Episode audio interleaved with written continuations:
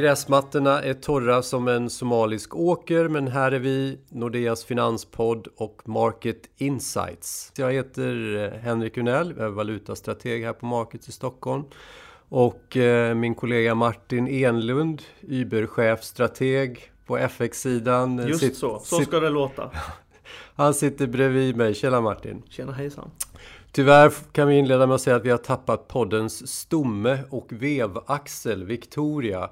Hon har flyttat till Köpenhamn där hon i dagarna påbörjar sin nya anställning eh, inom Nordea förvisso som derivatsales. Vi önskar henne lycka till och vi saknar henne massor. Självfallet, och vi har ambitionen att eh, hitta en ersättare så, så småningom. Men idag blir det bara du och jag Martin som samtalar om marknaden och aktuella ämnen så som vi ser det. Som... Henrik, det här betyder ju att, att lyssnarna ska vänja sig vid betydligt lägre kvalitet och också lägre energinivå ett tag tills vi får ny styrfart med någon ny toppstjärna. Jag ser att vi är, vi är som de där bittra Stantler och Waldorf på balkongen i, i Mupparna som fäller elaka kommentarer. Vi vill alla vara monster men vi hamnade på balkongen. Ja, exakt. Ja. Ja, men för att inleda det här då Martin. Både du och jag har ju jobbat i stort sett hela sommaren. Eh, vad tycker du har varit mest intressant att följa förutom eh, kvicksilvermätaren? Finns det några händelser eller teman som har eh, gjort utslag på din känslomässiga Richterskala? Jag är ganska trött på handelskriget. Faktiskt. Men vad, vad säger det, du om det? Vad, det jag tycker är mest intressant det är vad som har pågått i Kina, lite Japan men förstås, handels, handelskriget är ju intressant. För det är ju ändå det som har varit snackisen i flera månaders tid. Och det har ju enligt vissa framtvingat en kinesisk valutadevalvering till exempel. Eh, så handelskriget pågår för fullt kan man väl säga. Men det har deeskalerats mellan USA och Europa. Jag kommer ihåg att vi satt där för någon månad eller två sedan och diskuterade lite om om inte Trump skulle vinna i sitt chicken race gentemot EU. Och jag tycker mig se att i och med att EUs chefssommelier och eh, Vita huset möttes i Washington i slutet av juli så har faktiskt EU eh, valt att deeskalera situationen. Tidigare så sa man till exempel från Cecilia Malmström att EU tänker inte sätta sig ner vid något förhandlingsbord förrän USA tar bort sina ståltullar. Men det har man nu gjort. Man har tillsatt en liten arbetsgrupp med både amerikaner och europeer för att försöka revidera sitt handelsförhållande på ett sätt som är produktivt för båda parter. Så mellan EU och USA har det deeskalerat och sen får vi se hur länge det här håller. Vissa tror ju att man absolut inte ska ge Trump den här tummen som EU har gett honom för då kommer han ju kräva hela handeln. Och det ska man inte utesluta att det kommer mer senare. Men just nu känns det lugnt mellan EU och USA i alla fall. Jag ser att den här överenskommelsen som du refererar till mellan Juncker, eller EU och Trump, det pekar ju på att Trump då får mer, han frigör tid, han får mer ledig tid att gå på kineserna som egentligen är de verkliga motståndarna för väst. Eh, och, och, det verkar ju vara lovande sett ur en, någon form av taktisk aktivitet. Men samtidigt är det så, en slutsats man kan dra av det här måste väl ändå vara att de här tidigare Trumps reaktionsdrivna utspelen som man inte riktigt har vetat huruvida de är strategiska eller ej. Man ser bara att han säger någonting i ögonblicket. Men här verkar det ändå finnas en långsiktighet, en långsiktig strategi att positionera sig, att driva det här handelskriget vidare. Sen eh, varför han gör det, det är svårt att säga om det handlar om mellanårsvalen, kongressvalen som inleds i höst eller ej. Men det är helt klart så att det här är ett tema som kommer leva vidare. Du pratar om yuan-devalvering eller Kinas devalvering. Hur mycket har yuanen fallit med? Tittar man, man sitter ju oftast och tittar på dollar-yuan. Uh, och man kan säga faktiskt att eh, Trump har ju smackat på eh, de första tarifferna var 10% på olika kinesiska varor. Ehm, och sen mitten, sen maj däromkring så har faktiskt yuanen tappat nästan exakt 10%. Då har de ju redan devalverat de har redan sig ur devalverat den här knipan. Precis, de har redan devalverat i kapp. Samtidigt sett så kommer det signaler just nu från Kina att de inte är sugna på ytterligare depreciering av sin valuta för man är rädd att det kan leda till en massa kapitalutflöden och sådär. Men om yuanen tappar 10% för att Trump smackar på 10% tariffer, då är ju importen till USA av kinesiska varor, den blir inte dyrare. Det kanske är det som är strategin för alla länder som eventuellt möter importtullar från USA. Att devalvera sig mot dollarn så att det blir ett nollsummespel. Men... Eh... det sista som har hänt är att eh, Trump planerar ju ännu mer tariffer. Det har kommit nu under sommaren att, att de här första små pluttsiffrorna med några miljarder hit och dit och 10% på lite stål och sånt Ehm, det kan vida överskuggas för den senaste planen nu från Vita huset är att de kanske ska smacka på 10 eller 25 procents tariffer på hela 200 miljarder dollar. Det... Och då snackar vi mycket pengar. Mycket implicit yuan-devalvering skulle behövas. Och då pratar vi om ganska stora konsekvenser på global ekonomi. För hittills så har de här futtiga summorna inte påverkat vare sig tillväxten i USA eller i, eller i Kina. Men eh, om man tariffbelägger hälften av det som amerikanerna importerar ifrån Kina, så som du säger, 250 nya miljarder dollar. Det kommer ju naturligtvis synas i BNP och i global ekonomi. Det, ja, vi ska med oss att vi har inte sett nästan några sådana här så kallade reala effekter från tariffen ännu. Um, kanske har man sett någonting i någon litet inköpschefsindex. Um, nu har man dock börjat se lite, lite, lite tecken till exempel i USA på att priset på diskmaskiner stiger plötsligt. Mm. Och det är ju en liten sån här tariffrelaterad sak. Det är mycket metaller och annat i diskmaskiner. Och jag tror just diskmaskiner var den första tariffen som kom på plats för ganska länge sedan. Jag vet inte om det var i februari i år. Något sånt där. Så nu börjar det synas även i konsumentprisledet. Vad säger du om den orderdata från industrin som vi har fått här då? I, både från Sverige och från Tyskland till exempel i veckan som viker ner sig på ett ganska kraftfullt sätt. Tror du inte att det kan vara en återspegla? Det är klart det kan vara det. Men vi har ju samtidigt sagt här från strategisidan att vi ska förvänta oss ett svagare Europa. Speciellt att industrikonjunkturen i Europa ska försvagas.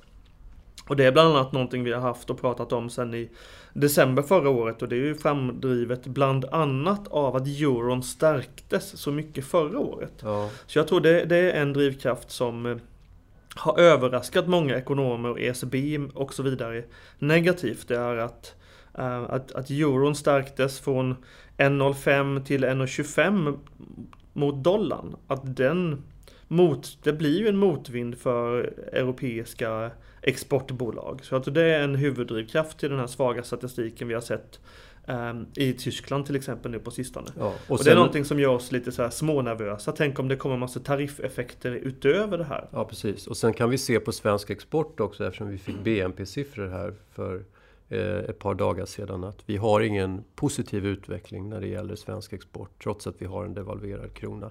Och det kan ju ha lite att göra med att man, det som händer i Kina, de har ju också så som jag ser det, ett problem som går utanför Trump eh, eftersom Xi, president Xi har ju sagt att den strategiska uppgiften för för kineserna är att sanera sin finanssektor och det man kallar för shadow banking, alltså entiteter som agerar som om att de vore banker utan att vara banker.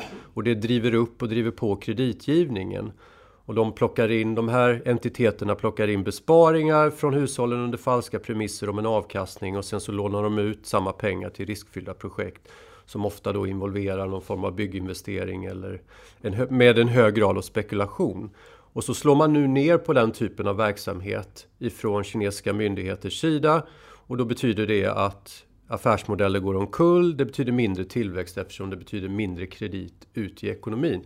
Så jag menar att det finns ju egentligen, det är ju tvåfrontskrig nu som, som den kinesiska staten bedriver. Dels visavi USA plus att man försöker banta sin belåning i privat sektor som är en oerhörd risk på sikt för kinesisk ekonomi. Och eh, att, att den här klappjakten på fulkrediter. Men det vi märker nu på senare tid är ju att man, helt plötsligt så börjar man överge den här, den här jakten på, på de här shadow banking-entiteterna. Därför att tillväxten håller på att vika ner sig i mm. Kina. Mycket, mycket riktigt. Väldigt många äh, aktörer där ute och kunder får man väl säga är ju oroliga för vad som ska hända med ja, med, kinesiska, med den kinesiska belåningen egentligen och hur de ska lyckas mjuklanda den här gigantiska skuldexpansionen man har orkestrerat sedan 2008 egentligen. De har ju blåst på något oerhört kineserna. Och nu verkar det som att de försöker i alla fall få bukt med den här skuggbanksektorn till exempel. Eh, men det är lättare sagt än gjort att göra det här och det blir lätt mer negativ BNP-effekt än vad man hoppas på. Ehm, jag vill dock säga att för de som är kortsiktigt intresserade här att marknaden har faktiskt nästan slutat bry sig om det här handelspratet och om Kina och allt det här som man skulle kunna oroa sig för, som man oroade sig för ganska mycket bara för ett par veckor sedan eller en vecka sedan. Ehm, och det brukar vara så att för att någonting ska vara i marknadens fokus så måste ett förlopp accelerera. På sistone till exempel kom det nya eh, nytt prat om lite ytterligare tariffer men det hände ingenting med någon valuta någonstans nästan. Ehm, den sista siffran från, från Kina är faktiskt att export och importen var lite bättre än väntat. Metallpriserna de sista dagarna har faktiskt stigit lite också. Då är det många som börjar fråga sig men det kanske inte är så dåligt i Kina som vi befarade. Um, ehm, sen tycker jag det är en jättekul sak som just hände i Sydkorea. Det är någonting som vi inte brukar prata så mycket om. Men det här är någonting som svenska politiker borde ta till sig eh, faktiskt. För vi har klagat lite på bristen på långsiktighet hos svenska beslutsfattare. Eh, och Samsung offent har nu offentliggjort ett investeringsprogram på 180 biljoner won. Det är för många nollor att hålla reda på om man skriver upp de här siffrorna, man blir bara yr. Men det här betyder att ett enskilt bolag ska investera i Sydkoreas ekonomi motsvarande 8% av BNP. Det är fantastiskt. Ja. Och en sån här nyhet gör ju att, att man kanske ska fundera, eller att vissa i alla fall blir lite mer positivt inställda till vissa tillväxtländer. Det finns ju ammunition att ta av vad gäller offentlig expansion i vissa av dem. Um, och på sistone har som sagt marknaden inte brytt sig så mycket om de här negativa handels, uh, handelsnyheterna. Nej, det är sant. Om vi, om vi byter eh, land och världsdel då och tittar på en annan stor valuta, valutarörelse som har ägt rum här under sommaren. Turkiska lire. Eh, till exempel. Och, Mamma li turki som ja. italienarna säger. Nu kommer turken. Precis. Och så kanske det kan bli i framtiden om det här fortsätter och det blir någon form av politisk kris. För den turkiska liren har tappat mot dollarn till exempel under året med 45 procent cirkus. Och vi har räntor hela vägen ut till tioårssegmentet, det vill säga statsobligationsräntor som printar 20 procent eller strax där kring. Ibland Inspiration till Riksbanken. Vad är det som händer? Vad säger du om det? För det är ju en, en otrolig eh, händelse som äger rum i Turkiet. Man brukar säga i Sverige att alla goda ting är tre. Jag vet inte om investerare i Turkiet håller med om det här, men man kan lista tre saker som har varit viktiga för Turkiet på sistone.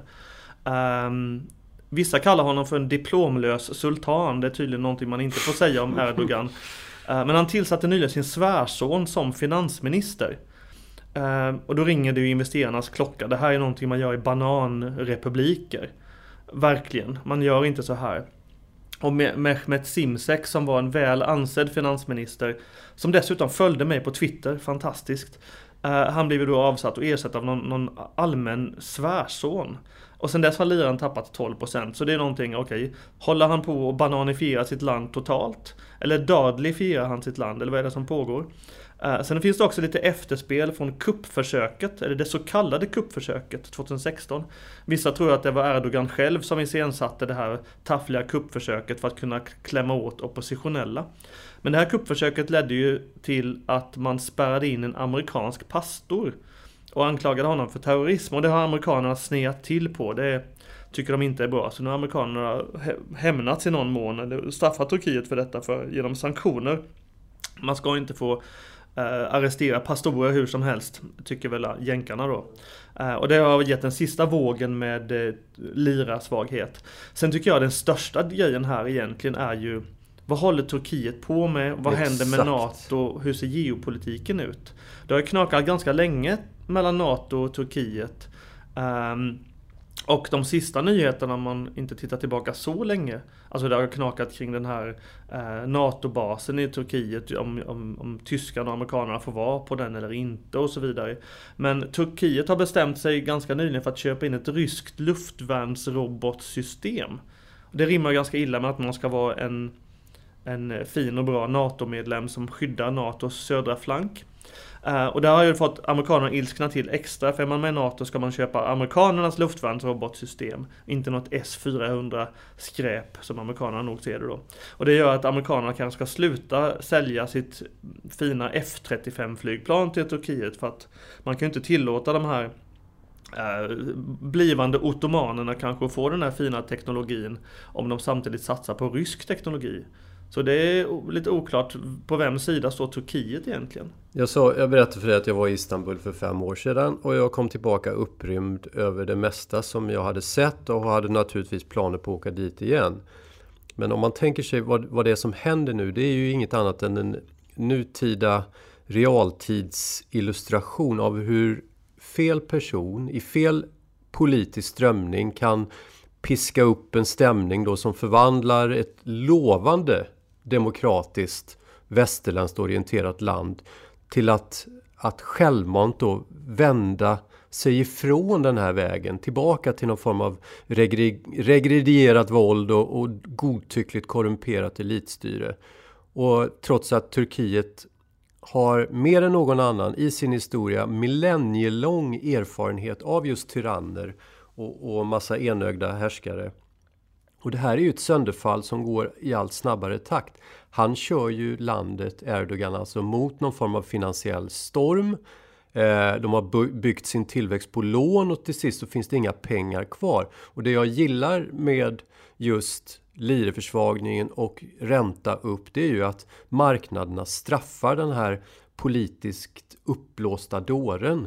Och, och frågan är vad som händer härifrån. Jag menar, det första man kan tänka sig det är ju att, att Turkiet blir mer repressivt eftersom folk blir av med sina pengar. Det ändrar, eh, det ändrar ju hela, hela samhällets struktur när du får en ränte och valutarörelse på det här sättet. Men det kan ju bli en politisk explosion av det här.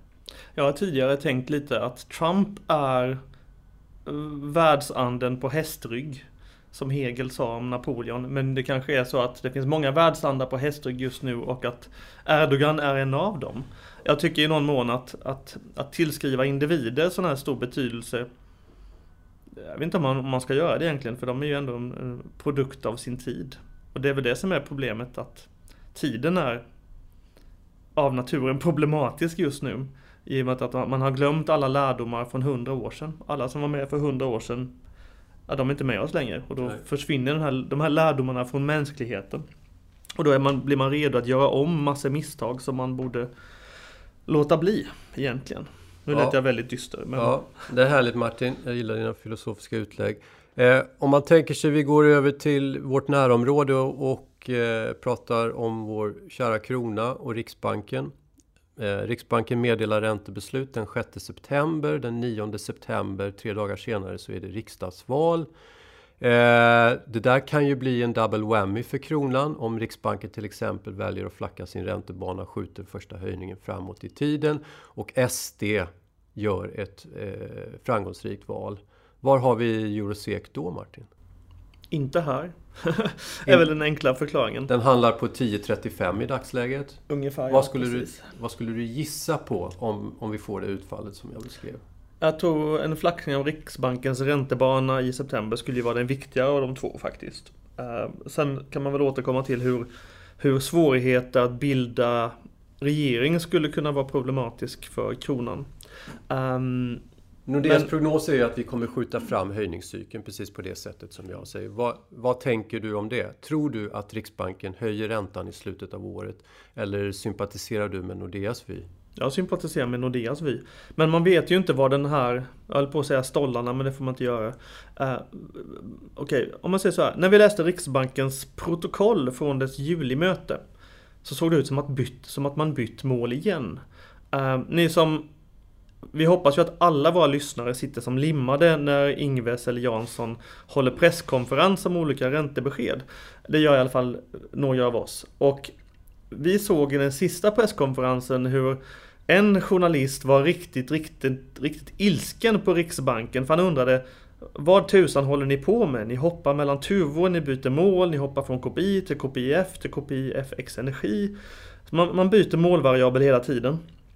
Eh, och Ingves slog ifrån sig. Nej, nej, nej, du är helt koko. Så funkar det inte. Vi tittar på mycket, men målet är målet, ungefär sa Ingves. Eh, men sen läste vi protokollet från julimötet och då inser vi att, att Ingves kanske inte sa hela sanningen i den här julbeskedet. I USA skulle man prata om fake news, men det gör vi inte i Sverige, för det är inte hygieniskt. Eh, men Riksbanken tjötade något oerhört plötsligt om tjänsteprisinflationen. Eh, och det är till och med så att Ingves avslutade diskussionen kring julimötet med att oj oj oj, tjänsteinflationen måste upp, annars blir det svårt. Det här lite... Han sa faktiskt här, jag ansluter mig till Pers och Kerstins uppfattning om att det kan bli ett bekymmer att varaktigt uppnå inflationsmålet om tjänstepriserna fortsätter ja. att utvecklas. Oj oj oj, tjänstepriserna ja. måste upp. Och det är just det att... Tjänstepriser är inte deras målvariabel. Nej, nej, nej. Alltså måluppfyll... och måluppfyllelsen är god. Säger Henry Olsson. Ja, och det har han ju rätt i. Här och nu så ser det ut som att Riksbanken har lyckats genom sin konfettikanon av kronor skjuta upp inflationen till målet.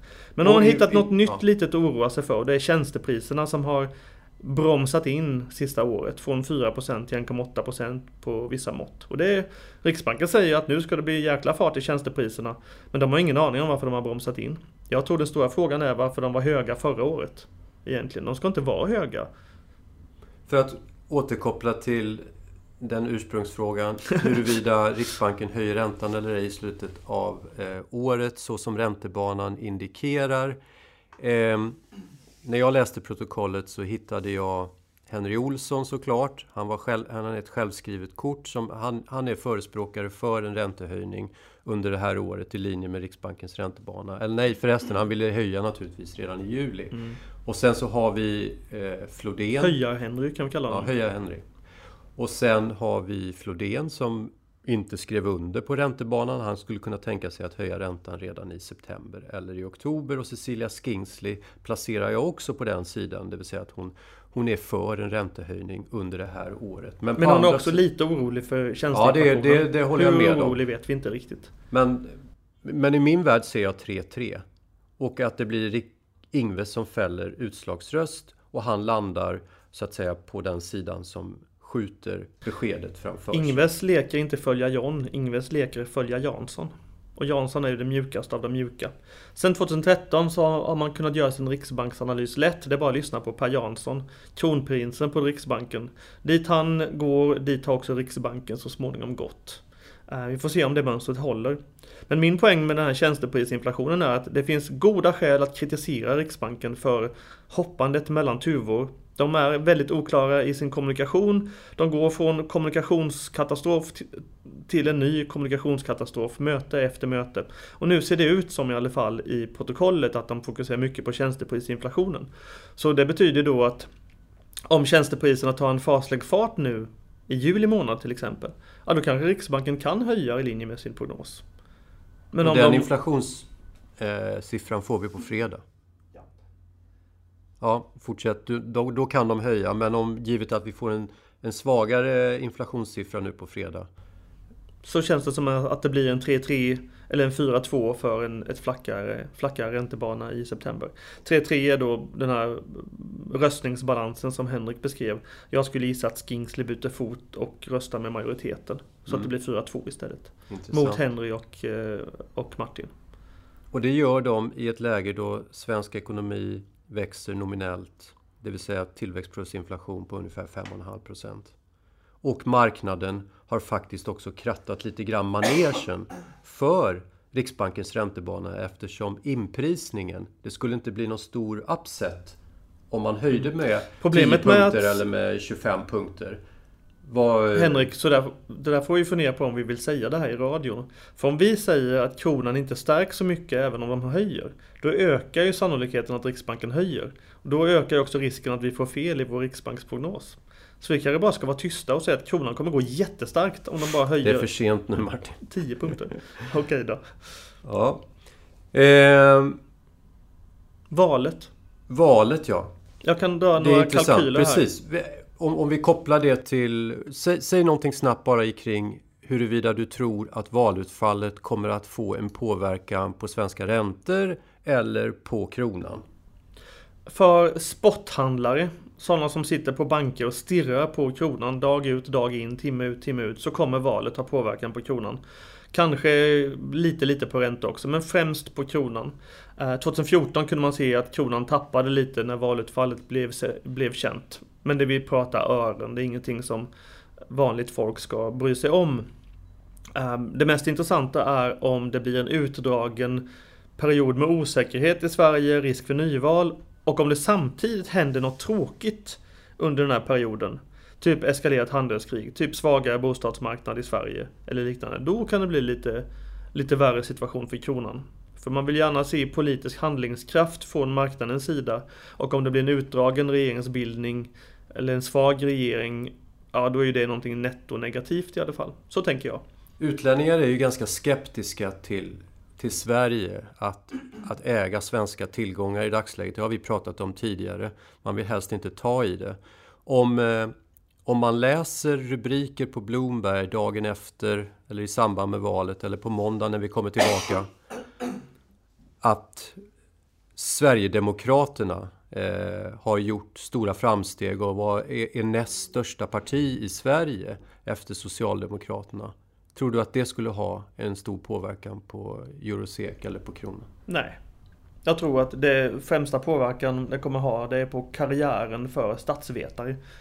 De kommer få sitta i TVn dag ut och dag in och diskutera vad som egentligen hände. Men tror du att det finns en positiv riskpremie i kronan i samband med valet? Det vill säga att vi får, vi får en parlamentarisk situation som är mer klar än oklar. Kommer Eurosek att falla då?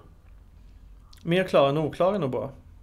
Ja. Det, det, tror jag ju. Men hur ska man kunna få det på valdagen? Det Nej, det går inte. Svårt. Det tror inte jag heller att Problem, det är. Alltså, Men jag ser det... bara negativa riskpremier i kronan. Jag tror inte... Låt säga att någonting... Den, den kan ju inte gå ändå... starkare på valet. Nej, det kom... Alla risker är på svaghetssidan. Ja, det håller jag absolut. med dig om. Det var det jag ville komma till. Just det. Kommer vi få se några riskpremier i obligationsmarknaden? Jag tror att Eh, tittar man till exempel på hur marknader brukar prissätta politisk risk oavsett vilket land vi pratar om, eller till och med finansiell risk, så brukar det främst synas i valutan. Eh, det kunde vi se till exempel i, i kronan 2010 där omkring när det var väldigt mycket oro kring svenska bankers Baltikum-exponering. Då syntes det inte alls i räntorna. Men kronan var ju helt skjuten i sank av de här riskerna eh, kring Baltikum. Dessutom var ju Riksbanken oerhört aggressiv med sin balansräkning och körde någon slags smyg-QE som på vissa sätt var större än resten av världens QE 2010. Men, så jag tror att den främsta risken att det här kommer synas i en svagare krona. Det finns det är svårt att se någon politiskt utfall som leder till en starkare krona. Det utfallet skulle i så fall vara att en ny regeringskonstellation plötsligt smackar på med någon slags Trump-liknande skattereform. Då tror jag att det skulle kunna leda till eh, rejäl kronstyrka. Men signalen från våra partier är ju att signalen är ju gå och lägg er där ute. Vi är så tråkiga så att mm. klockorna ja. stannar. Man kommer inte använda statsbudgeten som något elixir för Nej men det blir ekonomi. ett par tiondelar av BNP på sin höjd någonstans. Ja. Sen betyder det här att folk som sysslar med aktier kan ju bli exalterade baserat på om det kan bli en borgerlig regering istället för en rödgrön regering till exempel. För det har ju bäring på olika sektorer på börsen och sådär. Ja. Eh, men från ett makroperspektiv så är det oerhört svårt att bli intresserad eller exalterad just nu. Ja. Martin, vår tid är ute. Är det någonting du vill tillägga? Jag vill säga att eh, alla borde fundera på vad Trump håller på med. Uh, som en sista liten, liten sak bara. Januari 2017 så sa Trump, allas vår älskade president, han sa vår valuta är för stark. Och nästan på veckan när så började dollarn tappa. Sen i januari 2008 så sa, så sa Trump Dollarn kommer bli starkare och starkare. På dagen när så började dollarn stärkas. Och nu i mitten av juli så sa han Vår valuta stärks. Det är dåligt för oss. Så Trump har haft en fantastisk track record som valutahandlare. Och det är någonting som, som gör mig lite nervös som sitter och tittar på vår dollarprognos. För mm. vi har just nu att dollarn är, är stark just nu. Eh, kanske stärks lite, lite till. Men att den tappar på sikt. Så just den här första delen, att den ska stärkas lite till, den blir man ju nervös när man får Trump emot sig. Ja, jag håller med. Så det får man fundera på. Det kan vi prata mer om i framtiden här. Tack för att ni har lyssnat och på återseende. Ajöken.